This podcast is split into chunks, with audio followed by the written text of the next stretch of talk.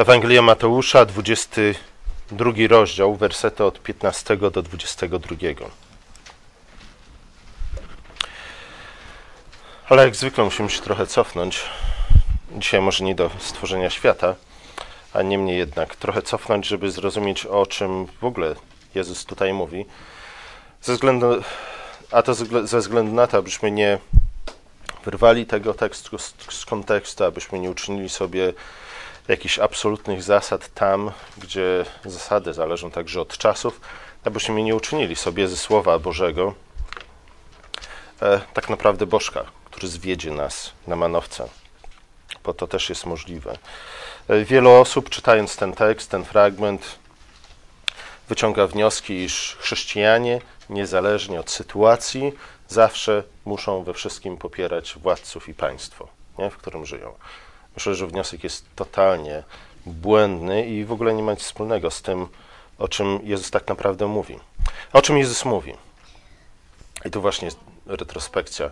Kto powie mi, ile razy Jezus oczyścił świątynię w Jerozolimie? Dwa razy.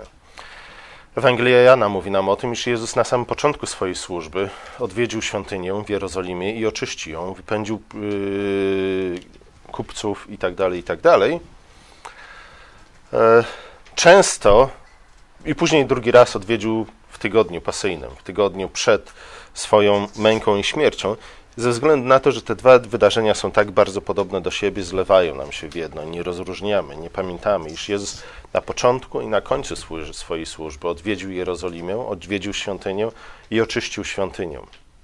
Dlaczego to jest ważne? Ważne jest to dlatego, iż y, przypomina nam to o pewnym starotestamentowym prawie, które mówiło o y, oczyszczaniu domów. W, wedle prawa mojżeszowego nie tylko ludzie, ale także domy mogły cierpieć na trąd. Także na ścianach domów mogły pojawiać się pewne plamy, które przypominały plamy trądu, o którym mówi Pismo Święte. I taki dom, na którym pojawiła się taka plama, powinien, miał być y, poddany inspekcji, także w obecności kapłanów.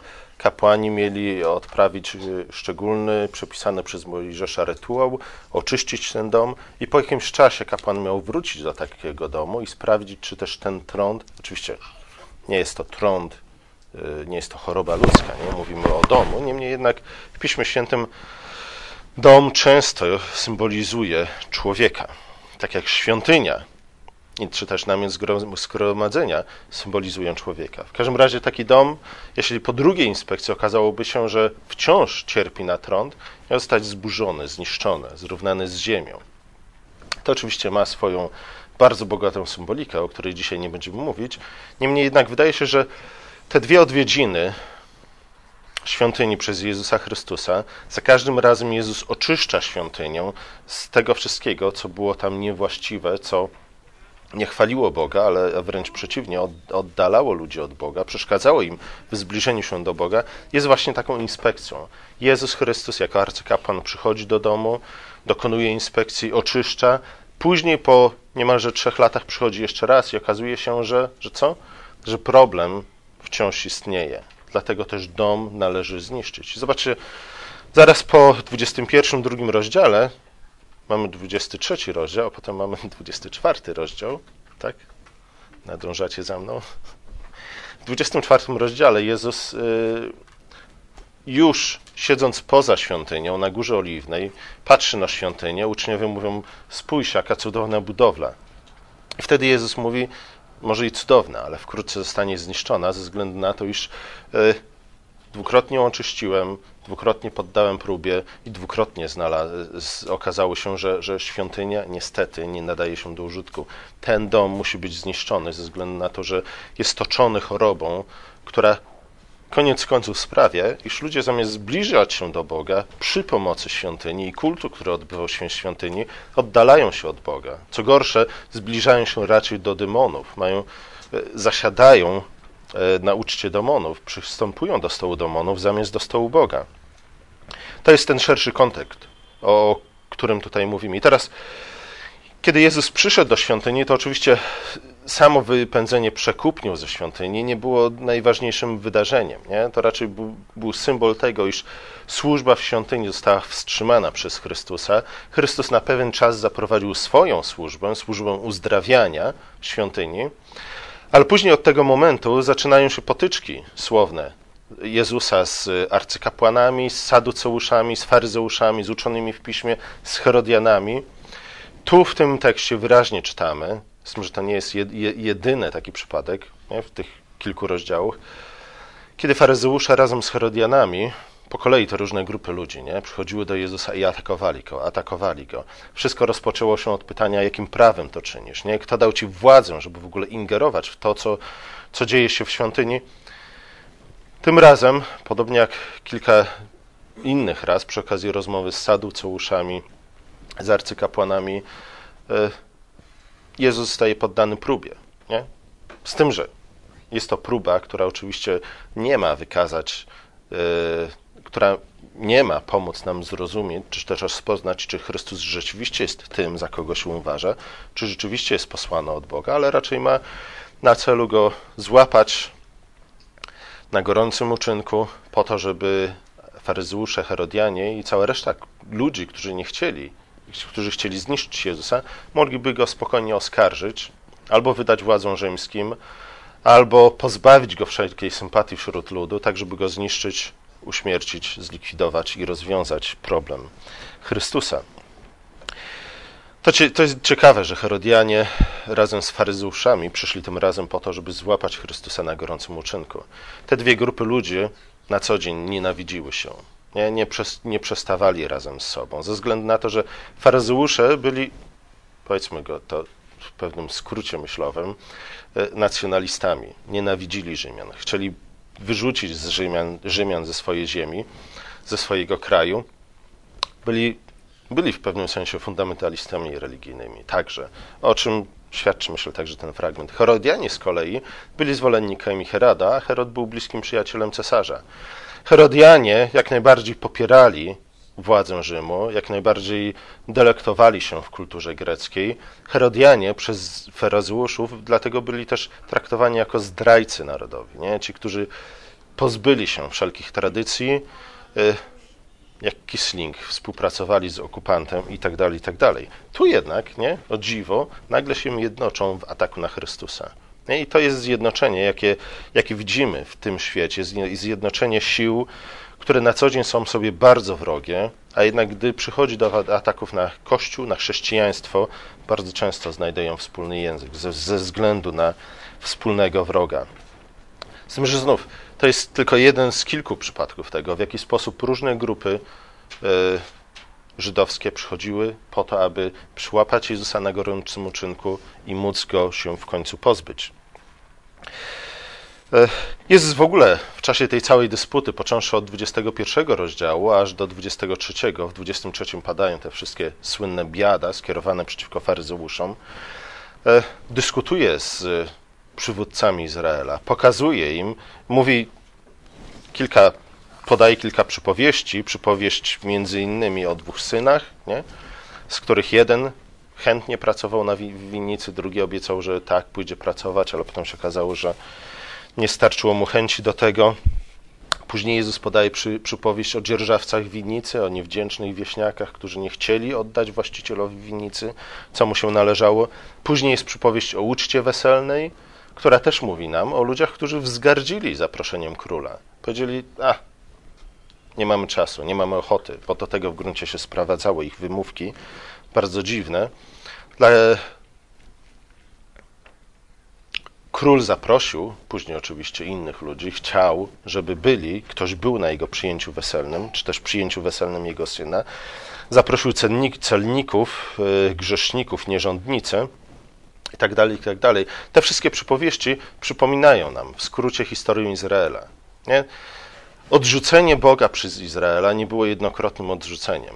Odrzucenie Boga przez Izraela działo się prawie przez całą historię Izraela. To nie było tak, że raz coś przeskrobali, wtedy Bóg przogniewał się na nich i odrzucił odrzucenie Boga przez Izraela było, było stałym, niemalże stałym elementem historii Izraela, mimo wszystkich dobrodziejstw, które Bóg im dał. Bóg, Bóg, był dla nich nie tylko dobry w tym sensie, że dawał im dobre rzeczy, ale Bóg był dla nich dobry także dlatego, że dał im prawo, dzięki któremu mogli uporządkować swoje życie publiczne, społeczne w sposób o wiele lepszy i mądrzejszy niż wszystkie okoliczne narody. Oni pogardzili tym prawem.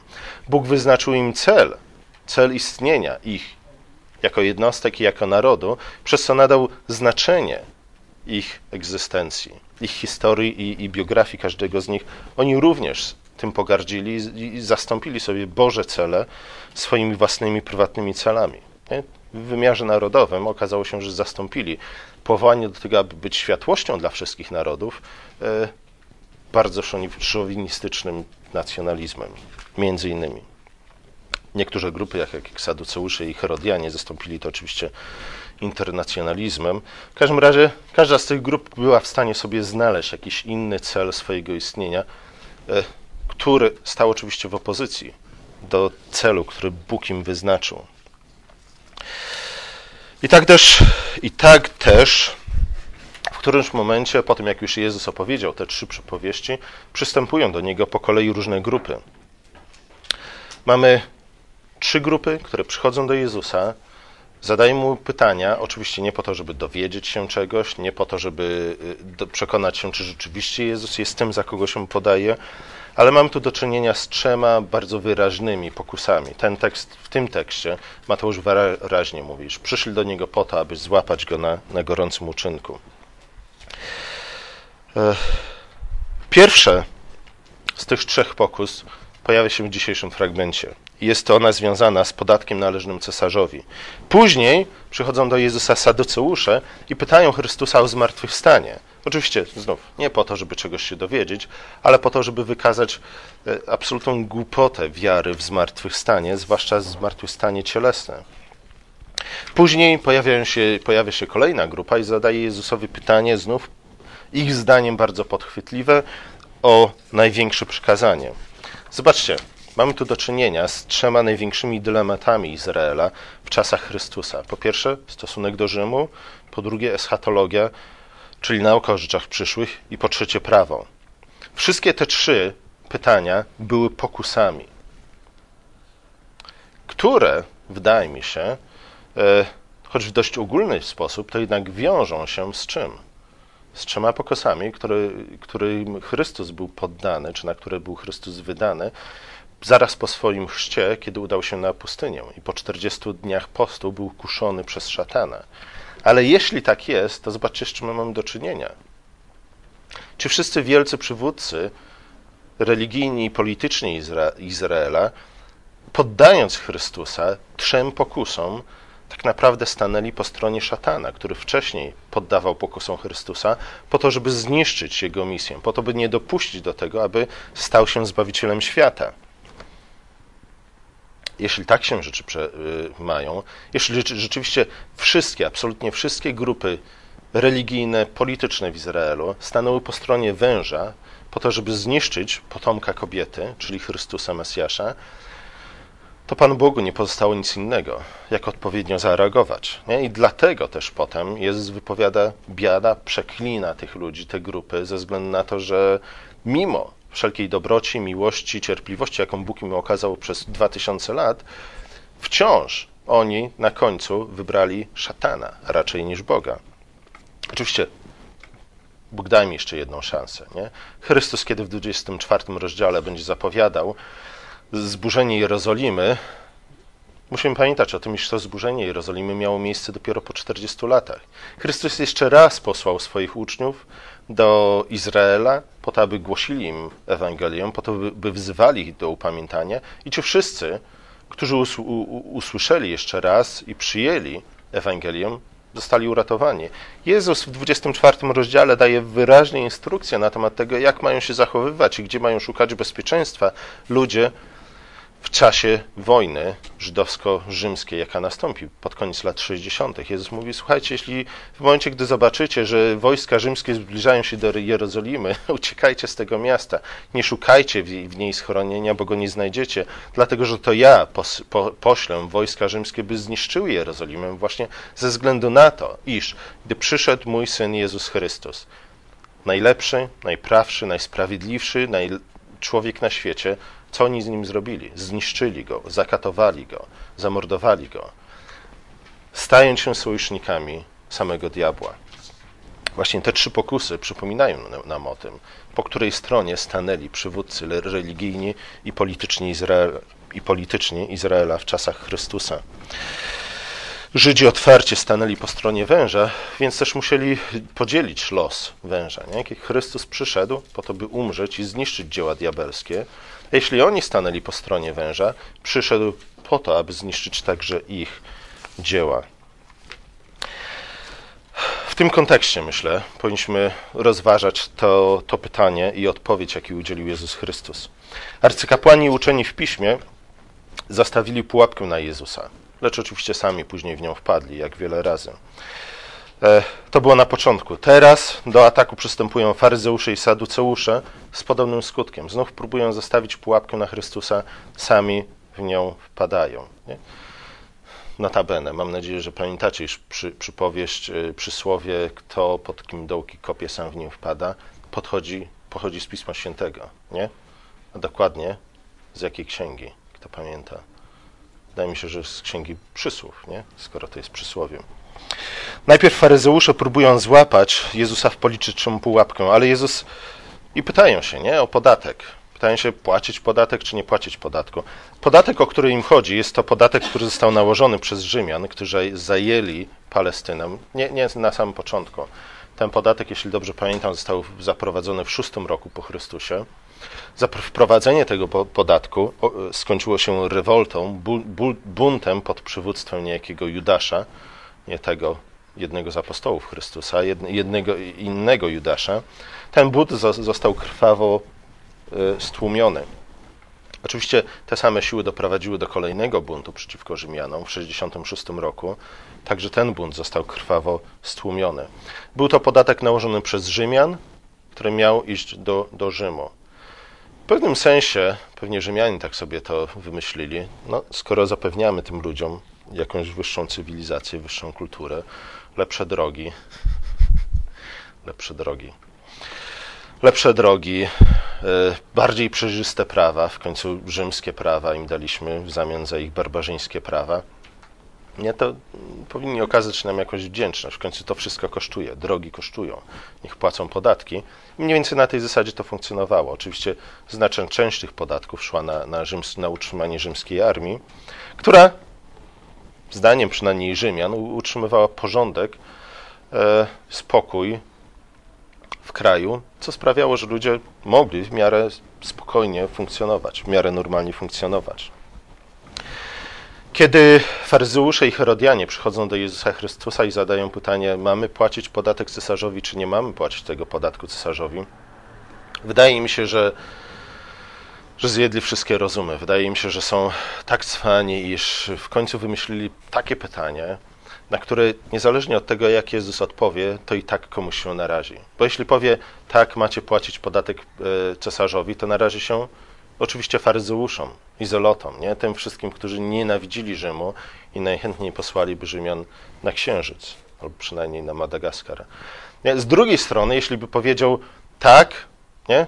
Nie, jeśli powiedział nie, nie płaccie podatku Rzy Rzymowi, to oczywiście naraziłby się Rzymianom, przez to Ży Żydom, przynajmniej tym, którzy nie lubili Jezusa, łatwiej byłoby go e, pozbyć się. E, warto może wspomnieć, iż rzeczywiście nie w Ewangelii Mateusza, ale w Ewangelii Łukasza w 23 rozdziale e, właśnie ta kwestia, płacenie podatku cesarzowi, pojawia się jako jedna z punktów oskarżenia przeciwko Chrystusowi. Tam Żydzi, mimo tego, co Jezus wyraźnie powiedział i publicznie powiedział, iż tak macie płacić podatek cesarzowi, oskarżają Chrystusa o to, żeby nam, że namawiał ludzi, aby nie płacił tego podatku.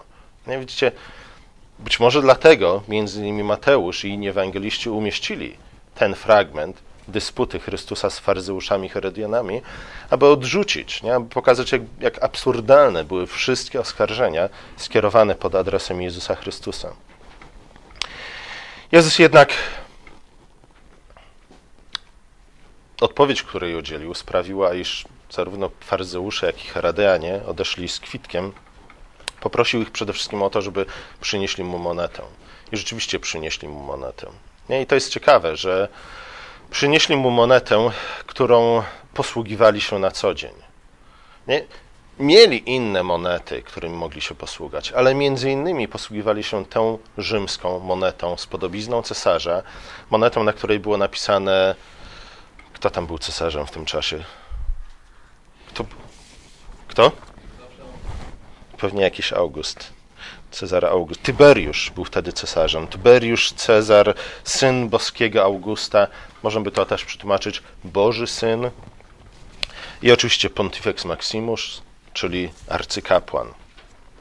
Żydzi ci bardziej religijni właśnie dlatego nienawidzili cesarza ze względu na tytuły, które sobie przybrał. Nie? Boskiego syna, arcykapłana, który, tego, który dzierży najwyższą władzę, przynajmniej na tym świecie, zarówno w sferze politycznej, jak i religijnej.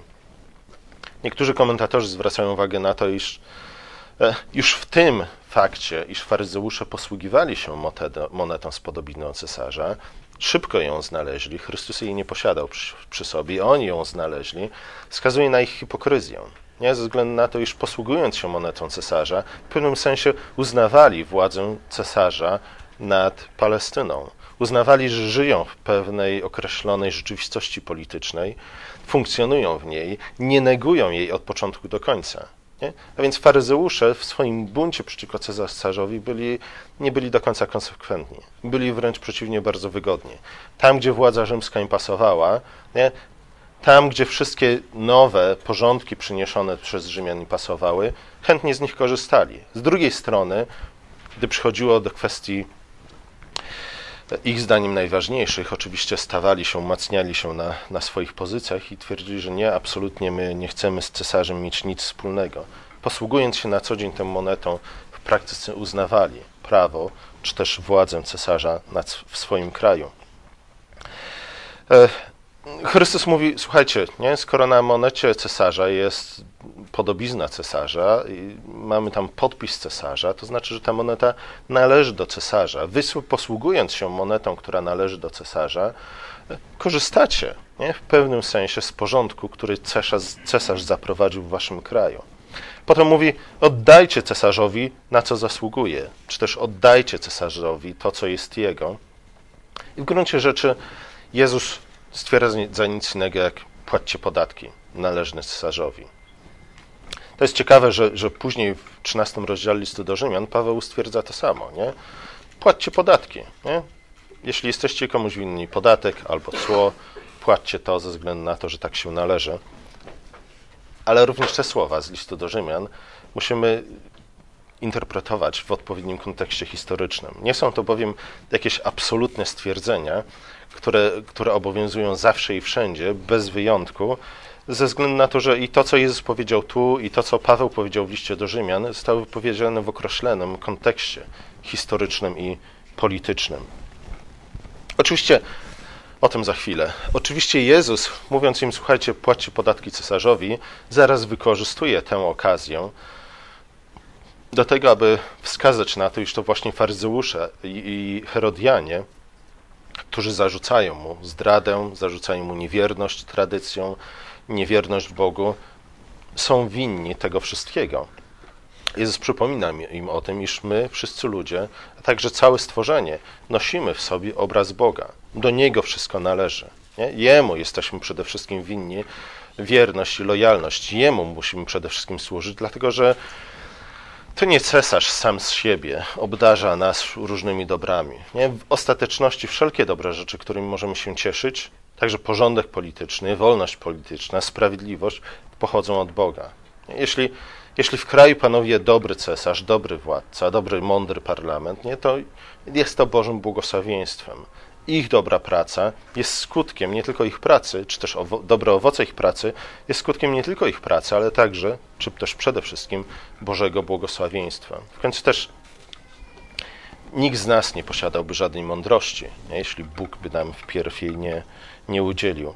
A więc Jezus unika pułapki, a jednocześnie wzywa y, swoich rozmówców, faryzeuszy i Herodian, do prawdziwej pobożności, do prawdziwej sprawiedliwości, przypominając, że ze względu na obraz Boży jesteśmy Bożą własnością i Jemu przede wszystkim winni jesteśmy naszą lojalność, także przede wszystkim w kontekście naszej relacji z, z Bogiem, z naszym Stwórcą i Zbawicielem i w związku z tym Panem, powinniśmy interpretować wszystkie, czy też tak, nazwijmy to, interpretować, czy też pojmować wszystkie inne relacje, także nasze relacje z władzami politycznymi.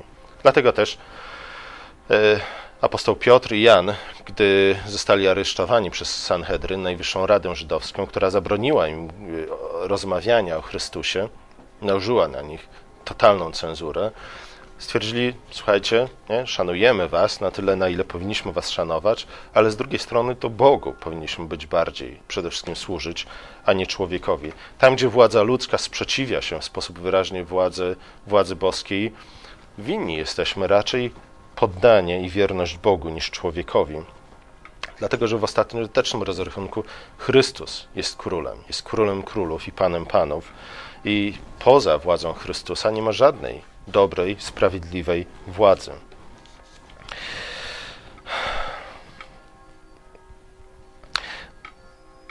O hipokryzji faryzeuszów wiele powiedziano, ale można by jeszcze to dodać, iż y, próbując złapać Chrystusa na gorącym uczynku, zastawiając na nim pułapkę, oczekując, że jeśli powie tak, należy płacić podatki cesarzowi, będą mogli stracić sympatię ludu, który generalnie był nastawiony antyrzymsko, Pamiętajmy o tym, że, że także faryzeusze byli w tłumie ludzi, którzy na dziedzińcu Piłata krzyczeli nie mamy króla oprócz cesarza. Nie? Po raz kolejny widzimy, że, że, że ludzie bezbożni, ludzie są nie tylko hipokrytami, ale są ludźmi bardzo niekonsekwentnymi w swoich poglądach i w swoich wypowiedziach. Gdy im pasuje, są przyjaciółmi cesarza, gdy im pasuje, są wrogami cesarza.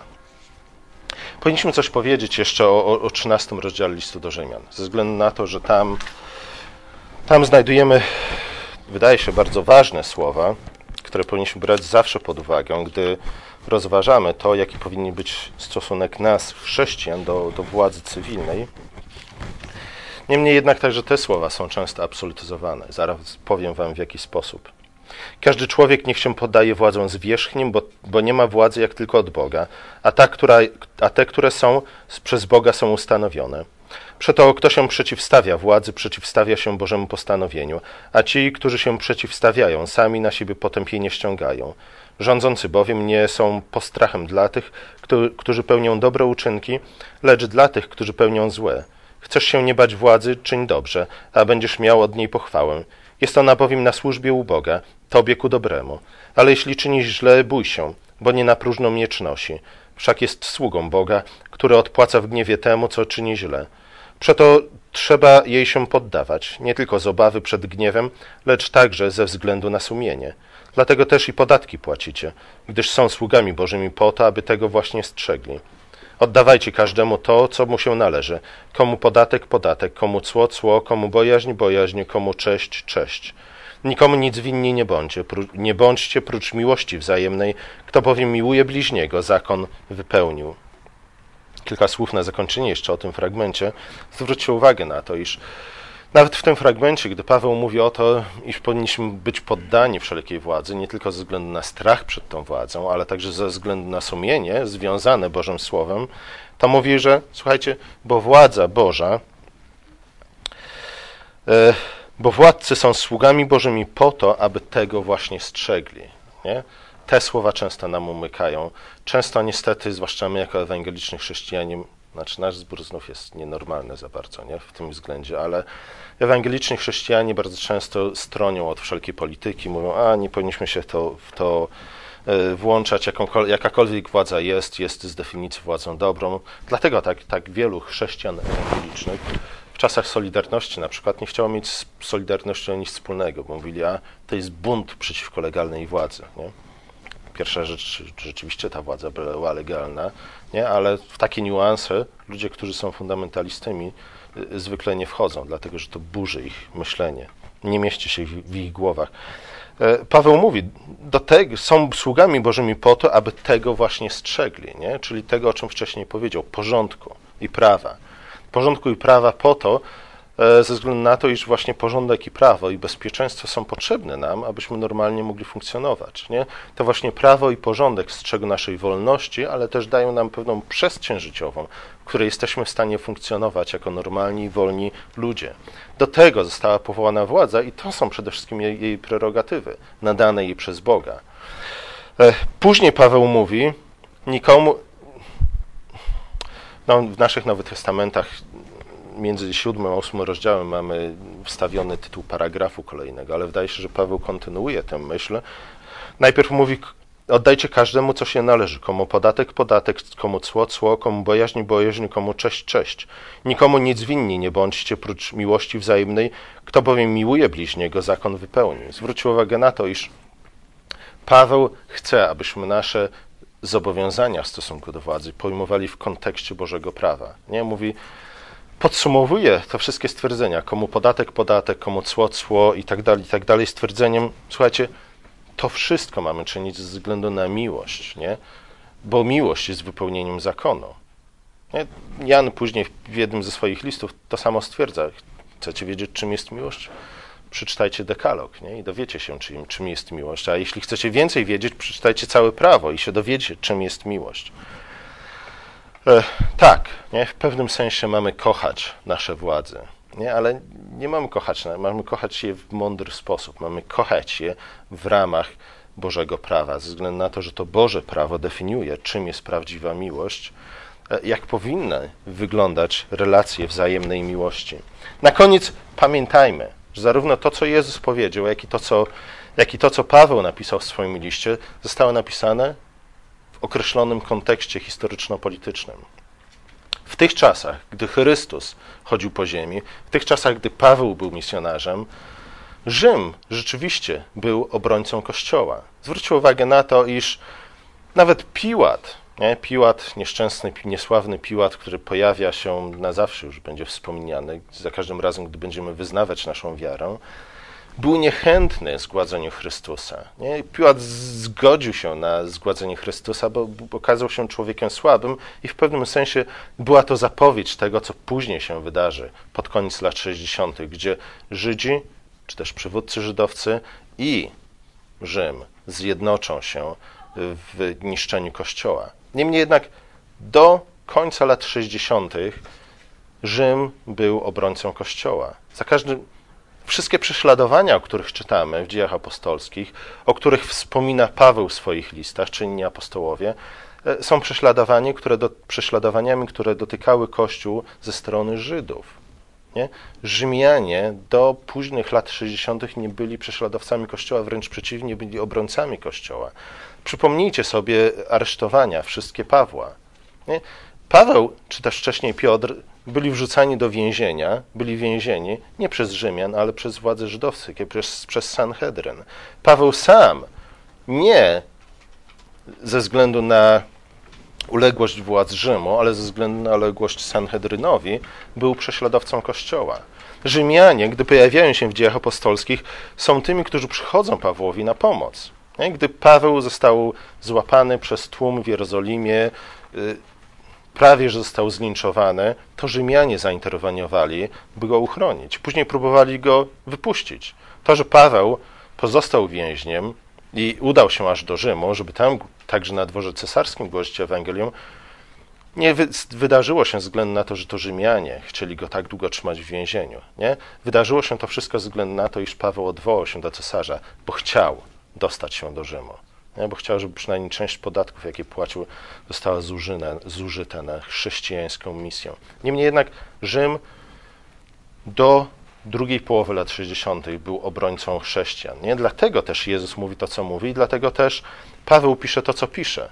W tamtych czasach Rzym, cesarstwo rzymskie, rzeczywiście stało na straży sprawiedliwości. Było tym, które stworzyło przestrzeń, dało Kościołowi wolność do tego, aby głosił Ewangelię Potem to się zmieniło. Nie? Potem niestety zarówno władze w Rzymie, jak i w Jerozolimie, podobnie jak w tym tekście, faryzeusze i herodianie zmówili się razem przeciwko Kościołowi i wspólnie zaczęli prześladować, prześladować Kościół. Nie? I oczywiście, kiedy jakakolwiek władza zwraca się przeciwko Kościołowi, zwraca się przeciwko samemu, samemu Bogu. Kiedy jakakolwiek władza zwraca się przeciwko Kościołowi, zwraca się przeciwko ciału Chrystusa. Kiedy jakakolwiek władza niszczy Kościół, zabijając męczenników, to tak naprawdę spożywa ciało Chrystusa w sposób niegodny. A to oznacza koniec takiej władzy. Nie? Mówiliśmy o tym przy okazji ścięcia Jana przez Heroda. Tam właśnie, na, na uczcie, na przyjęciu y, urodzinowym Heroda, głównym daniem, nie, tortem urodzinowym dla Heroda była głowa Jana Chrzciciela. Herod był królem kanibalem, ale z, mówiliśmy też o tym, iż właśnie ze względu na to, iż Herod, później Rzymianie także zwrócili się przeciwko Kościołowi, zaczęli niszczyć Kościół e, w sposób symboliczny, niemniej jednak spożywali jako kanibale ciało Chrystusa, niszcząc i zabijając męczenników, e, ich koniec nie mógł być inny niż ten, który się okazał. Dlatego Jerozolima upadła i dlatego Rzym upadł. Z Rzymem to była trochę bardziej skomplikowana historia.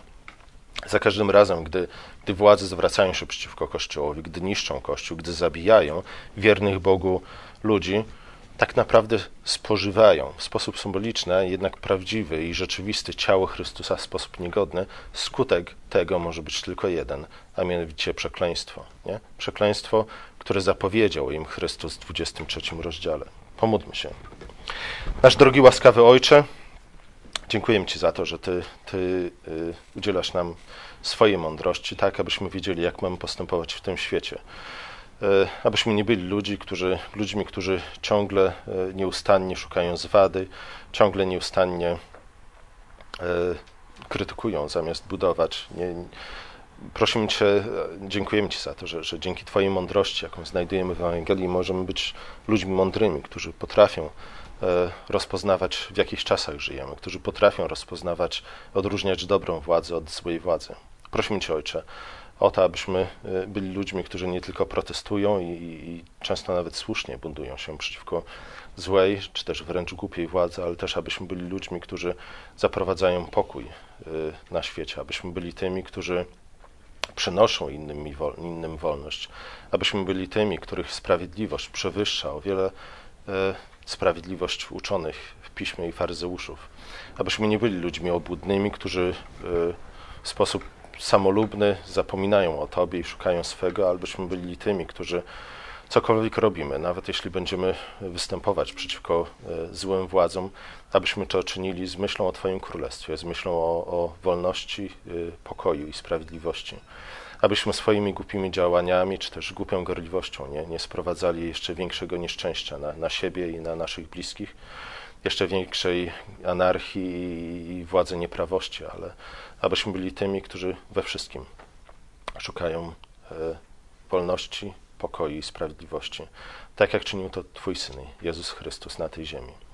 Ojcze, prosimy Cię o to też, abyś dodał nam siły, abyś dodał nam wierności i wytrwałości w czasach, gdy tak jak przeciwko Twojemu Synowi, ludzie zwrócą się przeciwko nam ze względu na to, iż jesteśmy Twoimi orędownikami, którzy głoszą Ewangelię o Twoim Królestwie. Prosimy Cię o to w Jego imieniu. Amen.